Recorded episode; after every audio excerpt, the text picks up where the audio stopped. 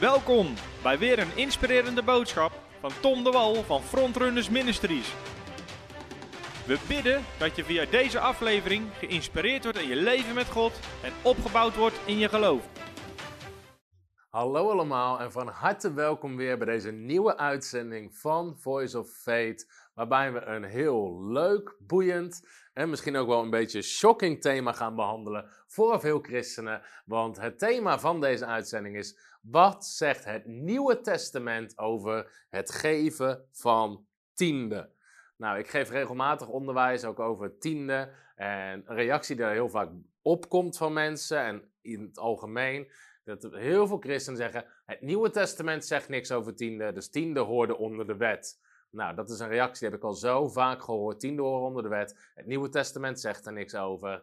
Nou, dan zou ik als ik jou was, je Nieuwe Testament nog maar eens een paar keer goed gaan lezen. Want het Nieuwe Testament zegt wel, wel degelijk een aantal dingen over het geven van tiende. En dat gaan we in deze uitzending bekijken. Dus in deze uitzending wil ik uh, naar het onderwerp tiende kijken vanuit een nieuwtestamentisch perspectief. Dus um, ik wil ook gewoon bidden dat je hart open is en dat je gezegend gaat worden door dit onderwijs. En we willen gewoon met een open hart ontvangen wat God zegt. Nou, ik heb vier teksten uit het Nieuwe Testament die spreken over tiende. En al die vier die teksten gaan we bekijken. En degene waar ik mee wil starten is meteen een hele krachtige en hele duidelijke. Dat is namelijk Lucas 11 vanaf vers 42. In Lucas hoofdstuk 11, daar heeft Jezus een discussie met de Farizeeërs. En dan zegt Jezus, hij zegt dan het volgende. De Farizeeërs waren heel erg van de regeltjes en wat ze moesten doen. En Jezus zegt dan dit tegen ze. Lucas 11, vers 42. Maar u, wee u Farizeeën, want u geeft tiende van de munt. En dan bedoelt hij niet een geldmunt, maar van, zelfs van de kleinste kruiden, muntkruiden. U geeft tiende van de munt, van de wijnruit en van alle kruiden. Maar u gaat voorbij aan het recht en aan de liefde van God. Dus ze waren heel wettig in het geven van hun tiende, maar ondertussen wandelden ze niet in de liefde van God en het recht van God. Deze dingen zou men moeten doen en de andere dingen niet nalaten. De andere dingen niet nalaten. Nou, Jezus is hier behoorlijk duidelijk. En uiteraard, ik begrijp, uh, Jezus, dit is nog voor de kruisiging van Jezus. Maar Jezus zegt hier wel heel duidelijk over uh, het geven van tiende. En dan waren de fariseeën zelfs van de kleinste kruiden die ze in huis hadden, zetten ze een tiende deel apart en gaven dat weg. En jij zegt, joh, jullie vergeten het grotere plaatje. Namelijk wandelen in liefde en recht doen, rechtvaardigheid doen. En dan zegt Jezus, deze dingen zou men moeten doen. En dan heeft hij het over wandelen in liefde, rechtvaardigheid en het andere niet nalaten. Dus mensen, en dan spreekt hij over die tiende. Dat moet je niet nalaten. Dus sommige mensen zeggen, Jezus zei niks over tiende. Jawel, Jezus zei wel iets over tiende. Namelijk dat je dat niet moest nalaten. Het belangrijkste is de liefde van God en, de, en het recht van God. Maar dat zet het andere niet aan de kant. Dat zet het andere niet aan de kant. Dus jij zegt, het andere moet je niet nalaten. En dan heeft hij het over het geven van tiende. Nou, ik heb ook een video op YouTube, die heet de einde, Het einde van de tiende discussie. Waarin ik laat zien dat waarin ik laat zien wat de Bijbel zegt over tiende. Um, uh, maar voor, even voor de mensen die gewoon helemaal onbekend zijn met het begrip tiende, betekent dat je 10% van je inkomen, dat je dat teruggeeft aan God. Door dat te zaaien in het koninkrijk van God. Dus 10% van jouw inkomen, maar niet alleen van je inkomen, van alles wat God aan je leven toevoegt. Dus weet ik, verjaardagsgeld, een bonus, wat dan ook. Dat, uh, een erfenis. 10% geef je, saai in het koninkrijk van God. Dat is het principe van tiende. Dus Jezus zegt, je moet recht en liefde moet je doen en het andere niet nalaten. Nou, er is nog een tekst waar Jezus spreekt over de tiende. Alleen heel veel mensen hebben dat niet door. Namelijk in Marcus hoofdstuk 12, dan vanaf vers 16. Marcus 12, vanaf vers 16. Daar staat dit.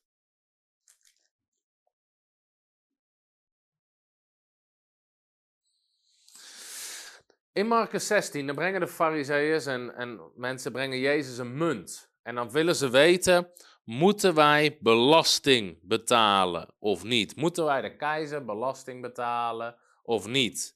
En dan zegt Jezus dit. Jezus zegt, toen antwoordde Jezus hun, Geef dan aan de keizer wat van de keizer is. En aan God wat van God is. En zij verwonderden zich over hem. Dus ze brachten Jezus een munt. En ik heb nou geen munt als, als voorbeeld, maar stel je voor, ik zou hier 2 euro hebben.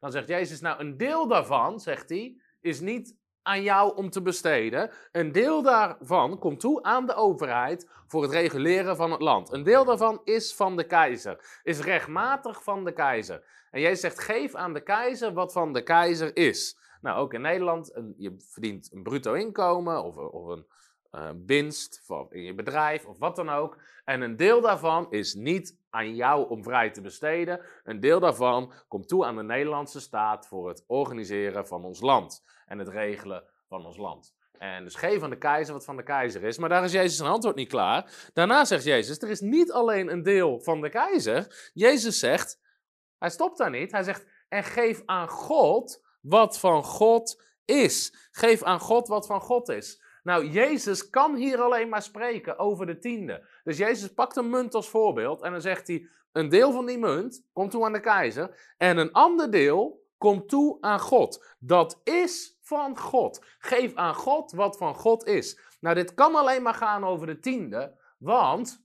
de tiende, 22 keer noemt de Bijbel tiende heilig en apart gezet. Het, als er een inkomen was, of er was een oogst, of er was een winst, dan was niet die gehele winst aan die persoon om te besteden. Of dat hele inkomen, of die hele oogst. Een deel daarvan was apart gezet, was heilig voor God. Dat behoorde aan God toe. 22 keer zegt de Bijbel, de tiende zijn heilig voor God. Onder andere in Leviticus 27, vers 30. Dus dat was niet aan jou om vrij te besteden.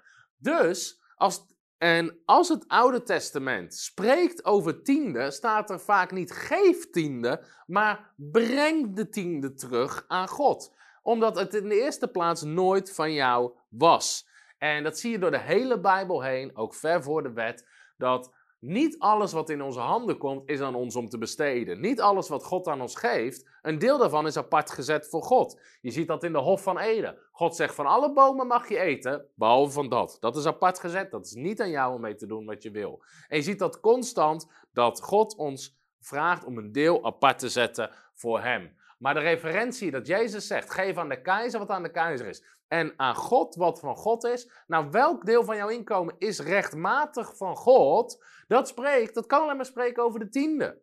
In Malachi hoofdstuk 3, daar zegt God, uh, de vloek is op jullie, omdat jullie mij beroven. En dan zegt het volk, je kan dat lezen thuis vanaf vers zelf, vanaf Malachi 3 vers 10. Waarvan beroven wij u dan? En dan zegt God, van de tiende. Van de tiende. Nou, je kan alleen maar iets stelen van iemand als dat van diegene is. Ik bedoel, als we, als we nu live in een samenkomst zouden zitten en ik pak jouw Bijbel dan, en zonder toestemming, dan steel ik die, want dat is jouw Bijbel. Maar als dat mijn eigen Bijbel is, die jij al vast hebt, en ik pak die terug, dan is dat niet stelen. Dan pak ik gewoon wat al van mij is. Mijn punt is, om iets te stelen van iemand, moet het iemands anders eigendom zijn. Dus het feit dat God zegt, jullie stelen van mij, en het volk zegt, waarvan stelen wij dan? God zegt, omdat je niet je tiende brengt, toont aan dat die tiende waren nooit van hun om aan te komen. Dat was apart gezet voor God. Het is heilig voor God. En dat is hoe God er tegenaan kijkt. Dus ook Jezus zegt, geef aan, God, geef aan de keizer wat aan de keizer is, en geef aan God wat van God is. Dus dat is de tweede tekst waar Jezus spreekt in het Nieuwe Testament over het geven van tiende. Nou, een derde tekst die spreekt over het geven van tiende. En ik denk dat je deze ook nooit zo hebt gelezen. Maar dat staat in 1 Korinthe hoofdstuk 9 van Paulus. In 1 Korinthe hoofdstuk 9, daar schrijft Paulus, schrijft aan de Corinthiërs. En waar schrijft hij dan over? Dan gaat het over zijn roeping die hij had. Hij was geroepen als apostel. Hij stichtte gemeentes. Mensen kwamen tot geloof. En onder andere de gemeente in Korinthe was eigenlijk uh, het werk van Paulus' zijn apostelschap.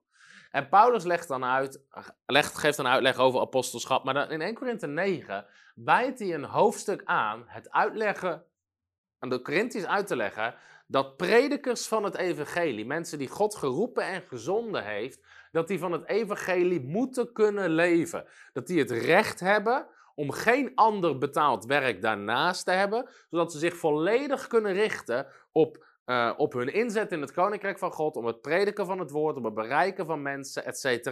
Zij moeten daarvoor volledig vrijgezet worden. Paulus zegt, als God mensen daarvoor geroepen heeft, is dat een recht wat ze hebben. We gaan eens even een stuk lezen. 1 Korinthe 9 vers 6. Nou, Paulus maakte niet altijd gebruik van dat recht, maar hij had het recht wel. 1 Korinthe 9 vers 6. Of hebben alleen ik en Barnabas geen recht om niet te werken. Hebben wij geen recht om niet te werken? Dus kunnen wij geen gebruik maken van het recht om niet te werken? Want andere apostelen deden dat wel. Dan zegt Paulus dit: Wie dient ooit in het leger en betaalt zijn eigen soldij? Dus welke soldaat moet zijn eigen salaris voorzien? Niemand. Dat doet degene die hem aangenomen heeft. Wie plant een wijngaard en eet niet van zijn vrucht? Iedere, iedere boer of iedere akkerbouwer eet van de vrucht van zijn land of van zijn wijngaard. En zo zegt Paulus, zo moet ook degene die bedienen, moeten kunnen eten van de vrucht uh, van hun akker, van hun wijngaard, van het gebied waar ze bedienen. Wie wijt een kudde en voedt zich niet met het melk van de kudde? Dus iedere boer die kan pakken van de melk van de koeien. En zo zegt Paulus, zo behoort ook de, de, koeien spreekt dan even over de mensen in de gemeente, of de gelovigen. Hè? En degene die hun voeden, dus die het woord naar hun prediken, die hebben recht op een deel van die melk. Zo zegt Paulus ook in Galaten, gaan we even snel tussendoor lezen omdat we houden van wat diepere Bijbelstudies. Galaten, daar zegt Paulus zelfs dat degenen die onderwijs krijgen, verplicht zijn om hun materiële bezittingen te delen met degenen die onderwijs geven. Galaten 5 of Galaten 6, daar zegt hij eerst in vers 5: En ieder zal zijn eigen pak dragen, dus iedereen moet voor zijn eigen leven zorgen. Maar, zegt hij, of en, laat hij die onderwezen wordt in het woord. Dus als jij onderwezen wordt in het woord van God, in alle goede dingen delen. Een andere vertaling zegt met van al zijn materiële bezittingen delen met hen die onderwijs geeft. Dus Paulus geeft dit als opdracht. Dat als mensen jou onderwijzen, trainen, toerusten in het woord van God, hebben zij recht om daar een vergoeding, of dan zou je daar iets terug aan moeten geven. Zoals ook Paulus zegt in Timotheus, hen die arbeiden in het woord, horen een dubbel deel te krijgen. En dat spreekt dan over financiën. Dus heel veel teksten spreken daarover. Nou, dan zegt Paulus, spreek ik dit, even terug naar 1 Korinthe 9, spreek ik dit naar de mens? Dus geef ik hier gewoon menselijke voorbeelden, of zegt ook niet de wet hetzelfde? In andere woorden, zegt God niet hetzelfde? Want in de wet van Mozes staat geschreven: een dorsende os, dus een os, een lastdier wat aan het oogsten is, die de oogst aan binnenhalen is, die mag u niet muilbanden. Je mag die os dus niet verbieden om iets te eten van de oogst die hij binnenhaalt. Bekommert God zich alleen maar om ossen? Dus staat dat in de wet omdat God uh, van het Wereld Natuurfonds is? Nee, hij zegt dit vooral om ons. Over wie heeft het nu? Nieuwtestamentische predikers. Nieuwtestamentische predikers. Jawel, om ons is geschreven dat wie ploegt, dus degene in bediening die zijn aan het ploegen, in de hoop hoort te ploegen, dat wie in de hoop dorst, dus dat je ook oogst, en het deel waarop hij hoopt hoort te krijgen. Dus die hoort een deel van die oogst te krijgen. Als wij bij u het geestelijke gezaaid hebben, is het dan te veel als wij van u het stoffelijke oogsten? In andere woorden, mensen zaaien geestelijk in je leven. Die trainen je, rusten je toe, onderwijzen in het woord van God, bedienen naar je, bidden voor je, etc. Is het dan te veel als die het stoffelijk oogsten? Als daar een materiële uh, vergoeding tegenover staat, of als daar terug in gezaaid wordt? Als anderen aan dit recht over u deel hebben, dus andere apostelen maakten daar wel recht van bij de Korinthebrief, waarom wij dan des te niet te meer? Wij echter hebben van dit recht geen gebruik gemaakt. Dus Paulus kiest er vrijwillig voor om daar geen gebruik van te maken. Maar wij verdragen alles opdat wij geen enkele hindernis opwerpen voor het evangelie van Jezus Christus. Nu komt het. Weet u niet, Paulus gaat verder met zijn uitleg dat zij die in de tempel dienst verrichten van het heilige eten. En dat zij die steeds bij het altaar verkeren, hun deel ontvangen van de offers van het altaar. Wat zegt Paulus? Hier schrijft hij over het Oude Testament. Je kan het lezen in Numeri 18 en Deuteronomium 18. De mensen die in de tempel dienen, die in de tempel werken, die bij het altaar verkeren, die daar werk doen voor God en de mensen dienen, daar zegt Paulus, die eten van het heilige. Dat spreekt over de tiende en de offers die gebracht werden. De tiende zijn heilig voor God. Dus zij kunnen daarvan pakken voor hun eigen levensonderhoud. En een deel van de offers. Nou, in Nummerie hoofdstuk 18, laten we die tekst even snel lezen. Kijk of ik hem snel kan vinden. Nummerie hoofdstuk 18, daar lezen we waar het over gaat. Dan zie je namelijk letterlijk dat dit spreekt over de tiende die daar gebracht werden. Want het spreekt namelijk over. Ten eerste staat er in heel Nummerie hoofdstuk 18 gaan over de Levieten. Dus er staat er ook boven de priesters en de Levieten. Het stam van Levi, die kwamen de priesters vandaan. En de Levieten mochten geen akkers hebben, mochten geen baan hebben. Die moesten voltijd werken voor God. Dus zij dienden voltijd in de tempel.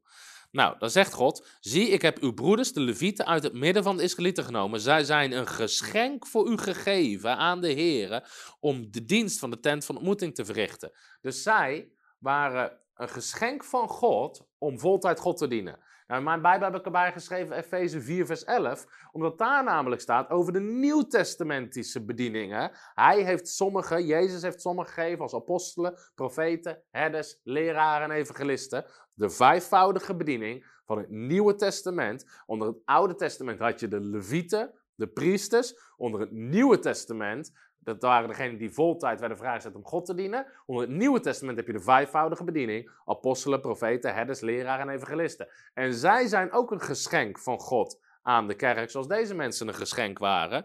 Nou, dan legt hij uit waar die van moesten leven. Die mochten. Uh, dan staat er dit. De Heer sprak tot Aaron en zei: Zie, ik heb u gegeven de taak van mijn. Uh, Hefoffers met alle heilige gaven van de Israëlieten heb ik aan u gegeven. Omwille van de zalvingen.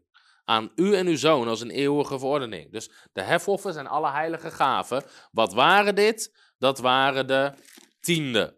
Want dat staat hier, dan gaat hij het allemaal uitleggen. Wat allemaal voor hun is. Uh, van alle offers. En dan staat er dit. En zie, aan de nakomelingen van Levi heb ik alle tiende van Israël als erfelijk bezit gegeven. Als vergoeding voor hun dienst. En, want de tiende van de Israëlieten, die zij voor de Heer als hefoffer moeten brengen, heb ik de Levieten als erfelijk bezit gegeven. Nou, dus even duidelijk, even terug naar het Oude Testament onder de wet. Maar nu gaan we naar 1 Korinthe, hoofdstuk 9, waar we net waren. Dus wat legt Paulus uit? Na de Korinthe, heidense gelovigen, weet u niet dat zij die in de tempel dienst verrichten van het heilige eten, hebben we net gezien. Ze eten van de offers en van de tiende gebruiken ze ook voor hun eigen levensonderhoud. En dat zij die steeds bij het altaar verkeren hun deel van de offers ontvangen. Let op, dit gaat dus over tiende. Dat, dat, dat, is duidelijk. Nou maakt hij weer de koppeling naar nu. Zo heeft de Heere ook met het oog op hen, Nieuwe Testament, die het evangelie verkondigen, opgedragen dat zij van het evangelie leven.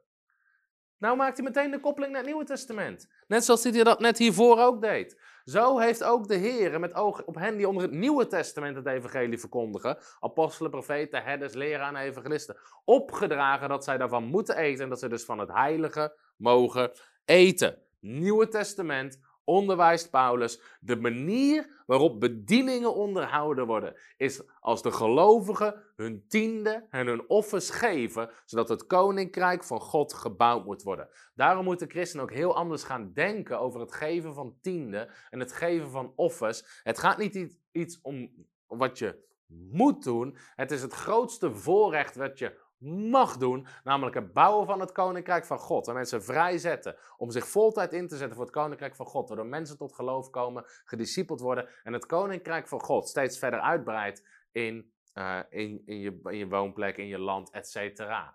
En dat is juist de bedoeling, dat mensen daarvoor vrijgezet worden. Dus, dus als het goed is, Jezus zegt, waar je schat is, daar zal je hart zijn. Wij denken vaak andersom. Waar je hart is, daar zal je schat zijn. Sommigen zeggen, oh, mijn hart is het koninkrijk van God. Koninkrijk van God is op de eerste plek. Oh ja, waar is je schat? Waar is je vermogen? Dat moet dan te zien zijn aan de manier waarop jij omgaat met je geld. En als jij zegt het koninkrijk van God staat op de eerste plek in je leven, hoe heten de tiende? Heten de eerstelingen. Dat betekent dat het eerste deel van je inkomsten gaat naar het koninkrijk van God. En anders kan je wel zeggen dat het koninkrijk van God op de eerste plek staat, maar jouw schat laat iets heel anders zien. En jij zegt waar je schat is, dat is waar je hart is. Dus kijk naar waar iemand zijn schat is. Hoe iemand omgaat met zijn vermogen. En je ziet of dat het koninkrijk van God echt op de eerste plek staat. Maar hier zie je ook weer duidelijk dat Paulus onderwijst. Nieuwe Testament. Dat de tiende daarvoor bedoeld zijn. Duidelijke tekst van Paulus. En nu naar nog een andere, hele duidelijke tekst. Sommige christenen zeggen er staat niks in het Nieuwe Testament over tiende. Nou, ik heb je al drie teksten gegeven. En nu ga ik je een heel hoofdstuk geven om je te laten zien wat het Nieuwe Testament zegt over tiende. Voordat we Hebreeën hoofdstuk 7 gaan lezen, wil ik even twee versen lezen, of drie, uit Genesis hoofdstuk 14. Genesis hoofdstuk 14. Genesis hoofdstuk 14, daar staat dit. Vanaf vers 18. En Melchizedek, zo meteen gaan we het over hebben wie dat is. De koning van Salem bracht brood en wijn en hij was een priester van God, de Allerhoogste. En Abraham ontmoet hier Melchizedek. En hij, Melchizedek, zegende hem, zegende Abraham. En zij, gezegend zij Abraham door God, de Allerhoogste, die hemel en aarde bezit. En gelooft zij God, de Allerhoogste, die overgeleefd heeft uw tegenstanders in uw hand. En hij, Abraham, gaf hem, Melchizedek, van alles een tiende deel. Hij, Abraham, gaf hem, Melchizedek, van alles een tiende deel. Nou, dit is trouwens überhaupt ver voor de wet van Mozes. Dus 400 jaar voor de wet. Dus men zegt tiende viel alleen onder de wet. Nee, Abraham, 430 jaar voor de wet, gaf ze tiende. Sterker nog, meteen na de zondeval. Genesis hoofdstuk 4. Kain en Abel.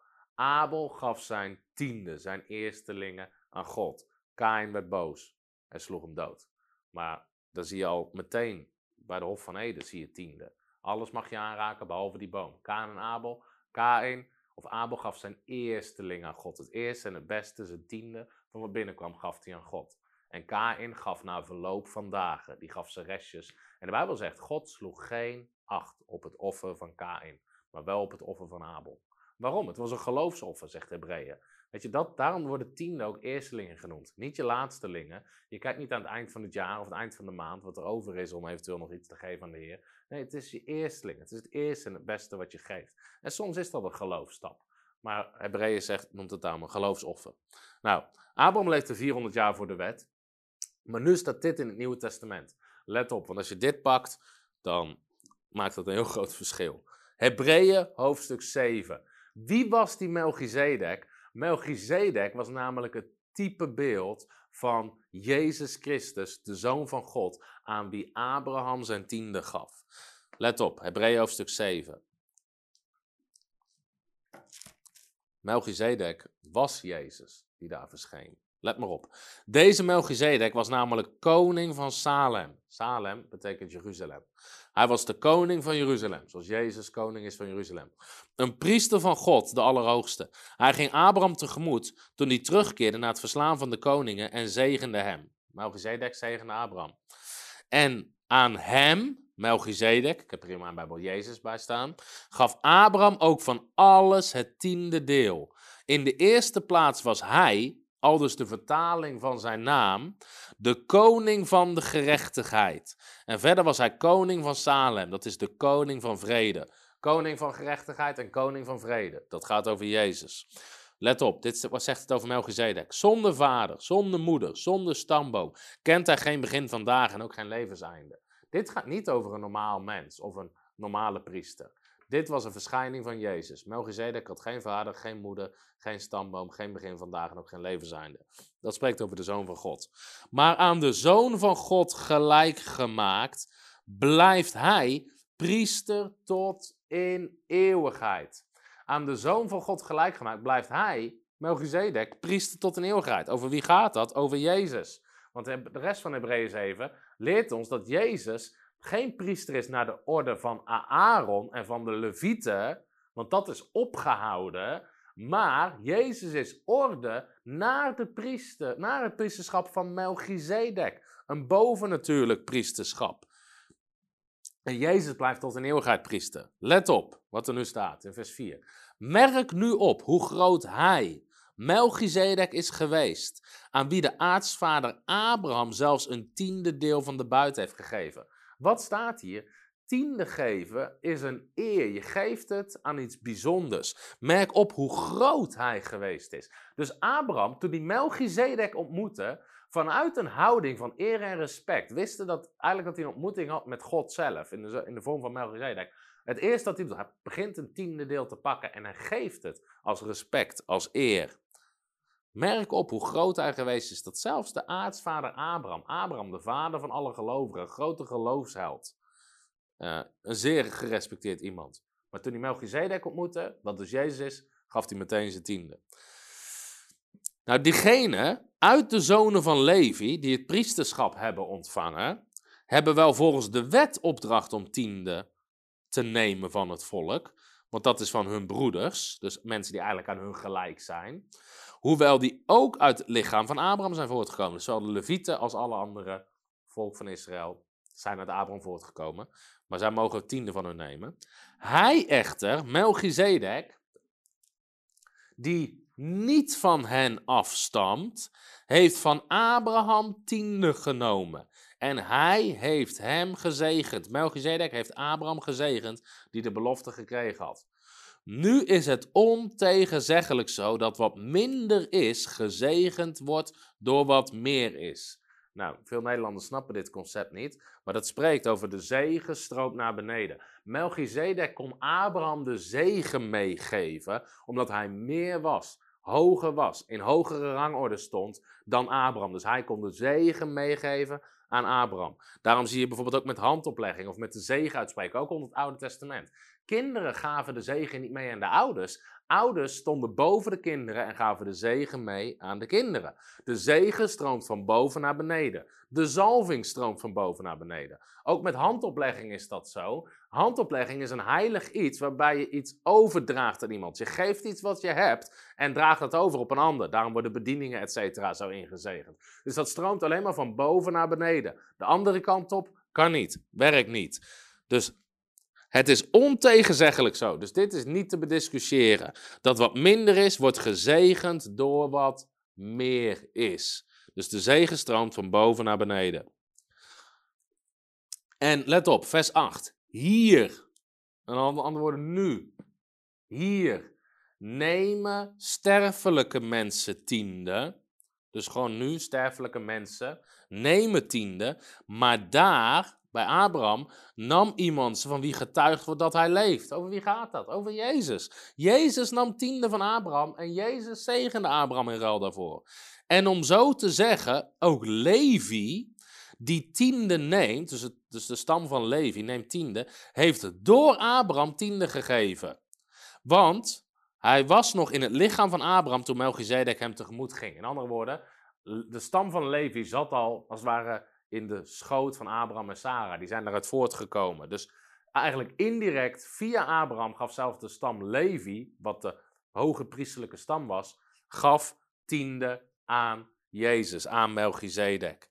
En, maar hier staat, daar wordt getuigd van iemand die leeft. Dus zelfs Abraham, zelfs Levi, zelfs, weet je, respectabele mensen, voorbeelden, gaven tiende aan Melchizedek. Dus ze, dus ze gaven hun tiende aan Jezus. En dan staat er, nou, we gaan niet allemaal verder, we gaan dit nog even lezen. Als dan door het Levitische priesterschap de volmaaktheid bereikt had kunnen worden, want onder dit priesterschap had het volk de wet ontvangen. Waarom was het dan nodig dat er een andere priester naar de ordening van Melchizedek zou opstaan? Punt. Jezus is opgestaan naar de orde van Melchizedek.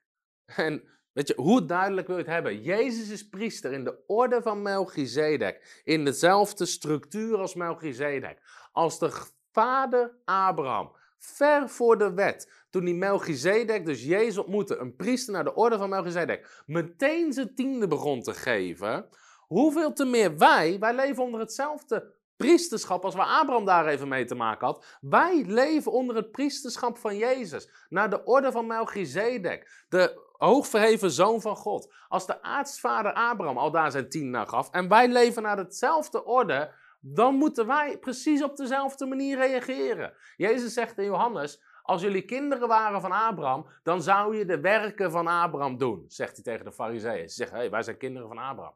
Jij zegt nee, als je kinderen bent van Abraham, dan doe je de werken van Abraham. Wij zijn allemaal in het Nieuwe Testament kinderen van Abraham, onderwijst de Bijbel ons in Romeinen en in Galaten. Wij zijn van het nageslacht van Abraham. De zegen van Abraham is op ons. En zoals Abraham te maken had daar met Jezus in de vorm van Melchizedek, zo hebben wij vandaag de dag te maken met het priesterschap van Jezus. En de enige gepaste reactie op een priesterschap wat ver boven het Levitische priesterschap staat, is het geven wat aan God toekomt. Het eren van God met je bezit. Het geven van een deel van je inkomen aan God. Als de Joden onder het Oude Testament, onder het Oude Verbond, onder een minder priesterschap, al hun tiende moesten geven, hoeveel te meer horen wij dan onze tiende te geven als we ze rechtstreeks geven naar de orde van Melchizedek aan Jezus Christus, de Zoon van God? Dan kan het niet anders. Je hebt geen openbaring van het Nieuwe Testament en van genade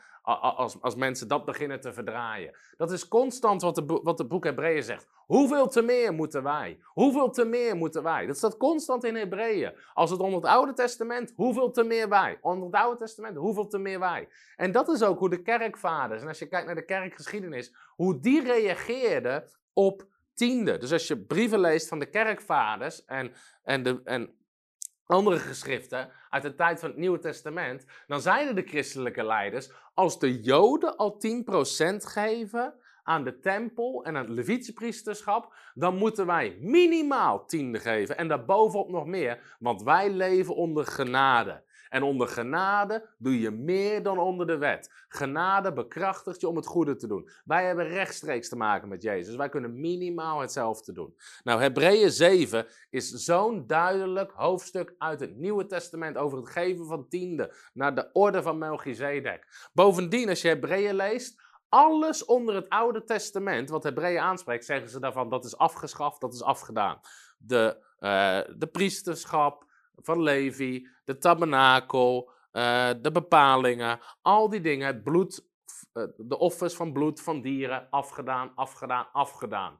En dan spreekt het over het priesterschap van Levi en tiende. En dan zegt het niet van nou, tiende werd afgedaan. Dan zegt het nee, toen was het onder het priesterschap van Levi, maar nu zitten wij onder de orde van Melchizedek, onder de orde van Jezus Christus zelf. Wij leven naar diezelfde orde. Boom, en gaat het volgende dan zegt het niet dat het is afgedaan, dan versterkt het juist dat we dat moeten doen. Dus Hebreeën 7 is een enorm duidelijke tekst over het geven van tiende onder het Nieuwe Testament. En wanneer je je tiende geeft, ondanks dat het hier op aarde mensen zijn die het ontvangen, in de zin van aan je kerk of aan een bediening, je geeft het, je zaait het, zodat mensen het werk van de bediening kunnen doen, is het in de hemel Jezus Christus die ze ontvangt en die zegent. Daar zal de zegen stromen van boven naar beneden. Dus een ontzettend duidelijke tekst over het geven van tiende onder het Nieuwe Testament. Dus iedere christen die zegt, ja, ik leef onder het priesterschap van, van Jezus, naar de orde van Melchizedek, wat je niet kan ontkennen, die zou er op dezelfde manier op moeten reageren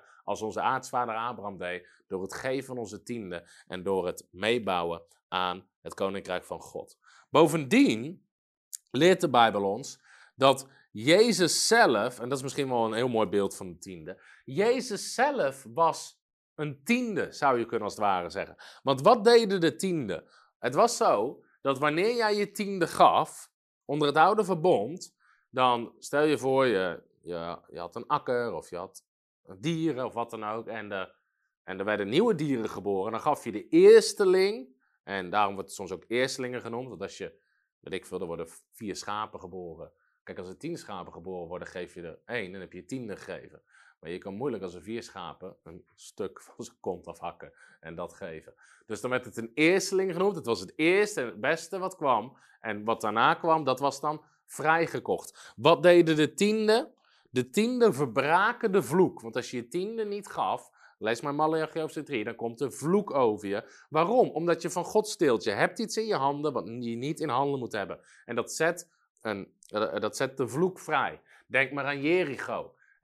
God zei, van alle steden mag je alles pakken, maar niet van de eerste stad. Jericho moet er met de band slaan, met de vloek staan. Iedereen die daar iets van pakt, zal onder de vloek komen. Er was iemand die pakte een deel van de buiten van Jericho en de vloek kwam. kan je lezen in Jozua. Eerste hoofdstukken. Dus als je je tiende niet gehad, maar door je tiende uh, werd de vloek verbroken, kwam de zegen van God, heiligde de rest, dus dan was de rest van je schapen of de rest van je akker was geheiligd, was apart gezet, omdat je je tiende had gegeven. En het kocht de rest vrij. Dus de rest hoefde je niet terug te geven aan God, omdat je dat vrij had gekocht met de tiende. Nou, Jezus Christus is zelf het beeld van de tiende. God zaaide, God gaf Jezus naar deze wereld. Al zo lief had God de wereld dat hij gaf zijn enige geboren zoon. Dus God zaaide Jezus deze wereld in. En Jezus was als het ware een tiende deel, want hij stierf, hij werd geofferd, zoals je je tiende bracht als offer. En wat deed dat? Het verbreekt de vloek over ons leven, zoals de tiende de vloek verbreken. Galaten hoofdstuk 3, de vloek is verbroken. Het bracht de zegen op ons leven. He, zoals Malachi zegt, Malachi 3 en Galaten 3. De zegen is op ons leven gekomen. Het heiligde de rest, omdat Jezus zonde werd, zijn wij geheiligd. Dus door Jezus als gift te geven werden wij geheiligd. En het heeft de rest vrijgekocht. Wij zijn vrijgekocht van het oordeel, omdat Jezus gezaaid is, gegeven is als tiende. Dus Jezus Christus is zelf een beeld van de tiende. Dus om er even aan te geven, mensen die denken of zeggen dat het Nieuwe Testament niks zegt over tiende, die zitten ernaast. De tiende is, het was verplicht onder de wet, het was gewoon verplicht. Maar het is een eeuwigdurend principe van God. Wat je ziet vanaf het eerste hoofdstuk van Genesis. In de Hof van Eden. Alles mag je aanraken behalve die boom. Tiende apart gezet voor God. Kain en Abel, de eerste mensen na Genesis. En er staat er, en Abel gaf ze tiende. Hoe kwam die daaraan? Moet hij geleerd hebben van Adam en Eva. Maar moet dat van hun, hun hebben ontvangen. Abraham, 430 jaar voor de wet, gaf ze tiende. Jacob gaf ze tiende. Dus allemaal voor de wet. Onder de wet was het verplicht. En na de wet zien we dat Jezus erover onderwijst, dat Paulus erover onderwijst, dat Hebreeën 7 erover onderwijst. Geef aan God wat van God is. Het is een eeuwigdurend principe. Dus stop met tiende zien als een verplichting. Begin het te zien als een voorrecht. Je bouwt het koninkrijk van God. Want waar waren de tienden voor bedoeld? De tiende, hebben we gelezen, werden aan de levieten gegeven. Die waren een geschenk van God. Die levieten waren gegeven om voltijd God te dienen en de mensen te dienen uh, en God te dienen. Nou, datzelfde hebben we nu onder het Nieuwe Testament. Apostelen, profeten, herders, leraren en evangelisten. Dus wat jouw tienden doen, en soms vragen mensen, waar moet ik mijn tiende naar geven? Waar mag ik mijn tiende naar geven? Tienden zijn bedoeld om mensen vrij te zetten om voltijd God te dienen. In het boek Nehemia kan je lezen dat het volk kwam terug in Israël, maar de mensen gaven hun tiende niet. De voorraadkamers in de tempel bleven leeg. De tienden werden naar de voorraadkamers gebracht en daaruit werden levieten betaald. En daardoor was er niemand in voltijd bediening en, en, en bouwde het land geestelijk niet op. En omdat mensen hun tiende niet gaven. Nou, de tienden zijn dus bedoeld om mensen voltijd vrij te zetten voor het prediken van het evangelie en het bouwen van het koninkrijk van God. En daarom is het geven van tiende een voorrecht. Wanneer jij je tiende geeft, dan zet je mensen vrij om voltijd te dienen in het koninkrijk van God. Om het woord te preken, om te bidden, om te bedienen. Zoals ook de apostelen zeiden in Handelingen 6. Dan zeiden ze, weet je, wij moeten ons bezighouden met de prediking van het woord en gebed. Dat was hun focus. En God wil ook vandaag de dag machtig werken, ook in Nederland. En daarom geloof ik ook zeker dat deze boodschap in het hart van God is voor ons land. Omdat in, in, in Nederland zie je dat heel veel kerken weinig financiën hebben. Vaak soms kerken van 500 mensen of 500 gezinnen die lid zijn, hebben twee mensen in dienst. Een voorganger en een secretaresse, soms een koster of wat dan ook. Een, een, een, gemeente met 500 gezinnen als lid of wat dan ook, die zou 50 mensen in dienst moeten kunnen hebben. Moeten kunnen vrijzetten voor het dienen van God. Evangelisten, zendelingen, bedieningen uitzenden, nieuwe kerken starten. Als ieder gezin zijn tiende zou geven, dan zou je op 10% van het aantal gezinnen wat lid is, moet je mensen kunnen aannemen en vrijzetten in het koninkrijk van God. Kan je nagaan wat voor opwekking er in Nederland uitbreekt als we massaal mensen vrij kunnen zetten voor het koninkrijk van God? En als financiën daar niet langer een belemmering voor zijn. Dus tiende zijn een voorrecht. Nou, mensen vragen soms, waar moet ik mijn tiende aan geven? Nou, de Bijbel zegt, we geven het aan Jezus. Hebreeën hoofdstuk 7. Waar is Jezus? Hij is het hoofd van de bedieningen. Efeze 4 vers 11. Hij heeft sommigen gegeven. Jezus zelf gaf die bedieningen. Apostelen, profeten, herders, leraren en evangelisten. Dus geef het aan die bedieningen. En ook in jouw gemeente, als het goed is, heb je in je gemeente heb je, heb je een herder. Dus Jezus is het hoofd van de gemeente en het hoofd van die bedieningen. Dus zet je tiende in om mensen vrij te zetten om te dienen in het koninkrijk van God. Je tienden zijn niet bedoeld als armoedehulp. Als, uh, je, dat is belangrijk, zorgen voor de armen, maar dat valt niet onder tienden. Tienden zijn bedoeld om mensen vrij te zetten voor het koninkrijk van God. Dus waar moet je je tiende aan geven? Nou, als je in een lokale gemeente zit, die een voorganger in dienst heeft, weet je, geeft het, geeft, dan kan je daar je tiende aan geven. Je kan het ook verspreiden. Je kan ook zeggen, hé, hey, ik geef aan mijn lokale gemeente en ik zet bedieningen vrij. Of net, maar net hoe je dat wil doen. Maar daarvoor is het bedoeld. Zet het vrij.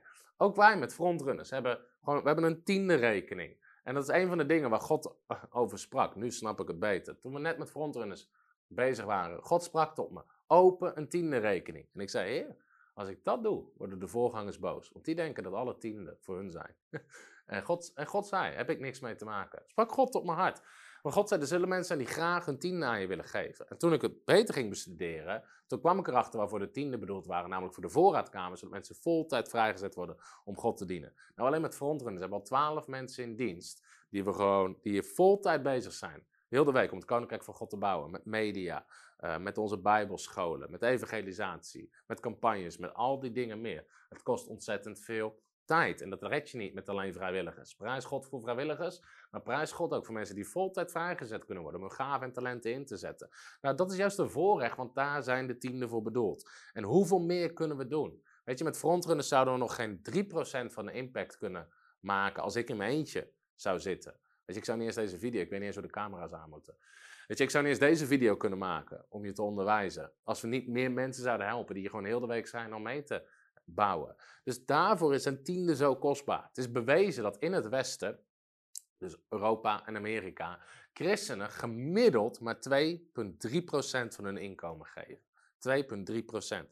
Dus ver onder de standaard. Want God zegt tiende en daarbovenop geef je je offers. En het is een voorrecht om het koninkrijk van God te bouwen. Nou, om deze uitzending af te sluiten. Tiende is een voorrecht. Hebreeën 11 zegt: God is een beloner. God is een beloner. Dus wie tot God komt, moet geloven dat Hij is en dat Hij een beloner is van wie hem zoeken. Dus God vraagt niet iets van je om jou slechter af te maken. God vraagt iets van jou om je beter af te maken. Dus het geven van tiende en offers is een win-win situatie. Waarin het koninkrijk van God gebouwd wordt en jij vervolgens weer gezegend wordt. En gaan we even lezen die tekst uit Malachi 3. Zo'n mooie tekst. Als je dit ontvangt in een goed hart. Malachi 3, vers 8. Zou een mens God beroven? Werkelijk, u berooft mij. En dan zegt u, waarvan beroven wij u? Van de tiende en van het hefoffer. Nou, het hefoffer waren ook de tiende, hebben we net gelezen in Leviticus 18. U bent door de vloek getroffen, omdat u mij berooft. Dus deze mensen waren onder een vloek, omdat ze hun tiende niet gaven. Als volk in zijn geheel. Dan zegt God: breng al de tienden naar het voorraadhuis. Dit waren de voorraadkamers in de tempel. Zodat er voedsel is in mijn huis. Zodat levieten vrijgezet worden. Bedieningen vrijgezet worden.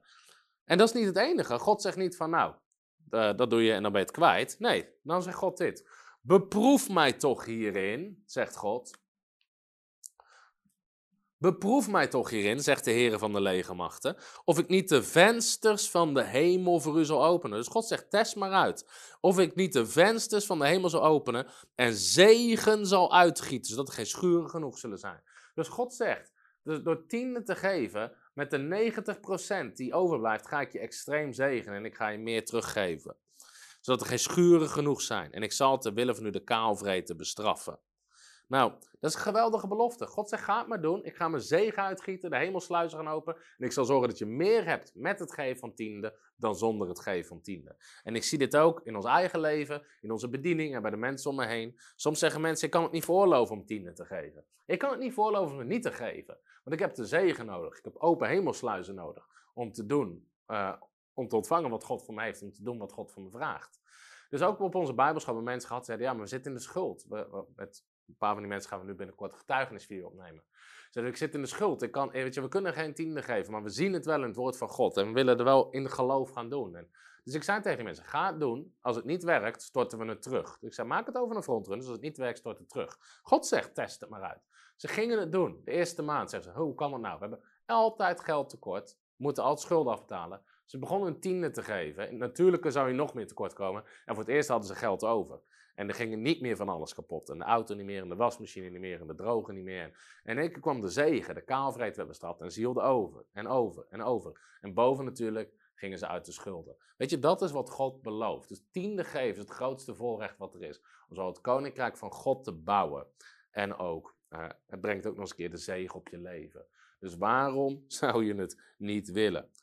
Waarom zou je het niet willen? Zorg ervoor dat het koninkrijk van God op de eerste plek staat. Dus wat zegt het Nieuwe Testament over tiende? Nou, voor sommige mensen was dit misschien shocking als je tiende ziet als iets oud testament of iets onder de wet. Maar ik hoop je te hebben laten zien dat het totaal anders is. En ehm, dat het Nieuwe Testament wat degelijk er wat over zegt, maar bovendien ook wat het doet. Wat voor gigantische zegen het zal zijn als mensen het gaan doen. Dus ik hoop je in ieder geval gezegend en bemoedigd hebben met dit onderwijs over tiende. Nou, om af te sluiten wil ik je ook gewoon de gelegenheid geven, zoals we dat eigenlijk doen aan iedere uitzending, om te geven. Ten eerste, ehm, als je nog geen partner bent, word partner van Frontrunners. Je kan ook je tiende geven in de vorm van partnerschap. Want partnerschap betekent eigenlijk gewoon dat je uh, de bediening ook vrijzet, dat je de bediening zegent. Um, om meer vrucht te dragen, dat we mensen kunnen aannemen, et cetera. Dus als je nog geen partner bent van Frontrunners, wil ik je van harte uitnodigen. Word partner van Frontrunners. Um, je kan de QR-code scannen. Je kan ook naar onze website gaan, www.frontrunnersministries.nl slash partners. Je kan ook je partnerschap verhogen daar als je enthousiast bent over alles wat Frontrunners doet. Dus ons gewoon wil helpen om nog meer mensen te bereiken. Daarnaast zie je, we hebben een rekening voor giften. Dus mocht je een losse gift willen geven, of een eenmalige gift, kan je ook gewoon je gift daarop overmaken. We staan in geloof ook voor een nieuw gebouw. Er komen ook hele grote giften voor binnen, een geweldige zegen. Misschien zeg je, ik wil daar een gift aan geven. Of zeg je, ik wil gewoon maandelijks een tiende of een deel van mijn tiende geven. We hebben ook een aparte tiende rekening. Dus als je dat wil doen, kan je dat op die rekening doen. Ik hoop en ik vertrouw erop dat dit onderwijs je weer gezegend heeft. Ik wil je de zegen van God wil ik je toebidden. En ik bid ook gewoon en ik weet zeker, als je dit gaat doen, en heel veel mensen die dit kijken zullen dit al doen, maar dan, dat je getuigenissen zal hebben over de goedheid en de zegen van God. Amen en tot de volgende keer. Hallo, Tom de Wol hier en bedankt dat je weer geluisterd hebt naar onze podcast. Ik bid dat het je geloof gebouwd heeft en je bemoedigd bent. Als je niet alleen een luisteraar van onze boodschap wil zijn, maar ook een verspreider daarvan, wil ik je uitnodigen om partner te worden van Frontrunners. Door jouw maandelijkse donatie help je ons om dit evangelie van Jezus Christus en het woord van God over heel de aarde te brengen. Om partner te worden ga naar www.frontrunnersministries.nl slash partners en word partner. Hartelijk bedankt en tot snel. Heb je ook zo genoten van deze inspirerende boodschap van Tom de Wal? Abonneer je dan op deze podcast. Volg ons op Facebook en op Instagram en kijk op onze website frontrunnersministries.nl.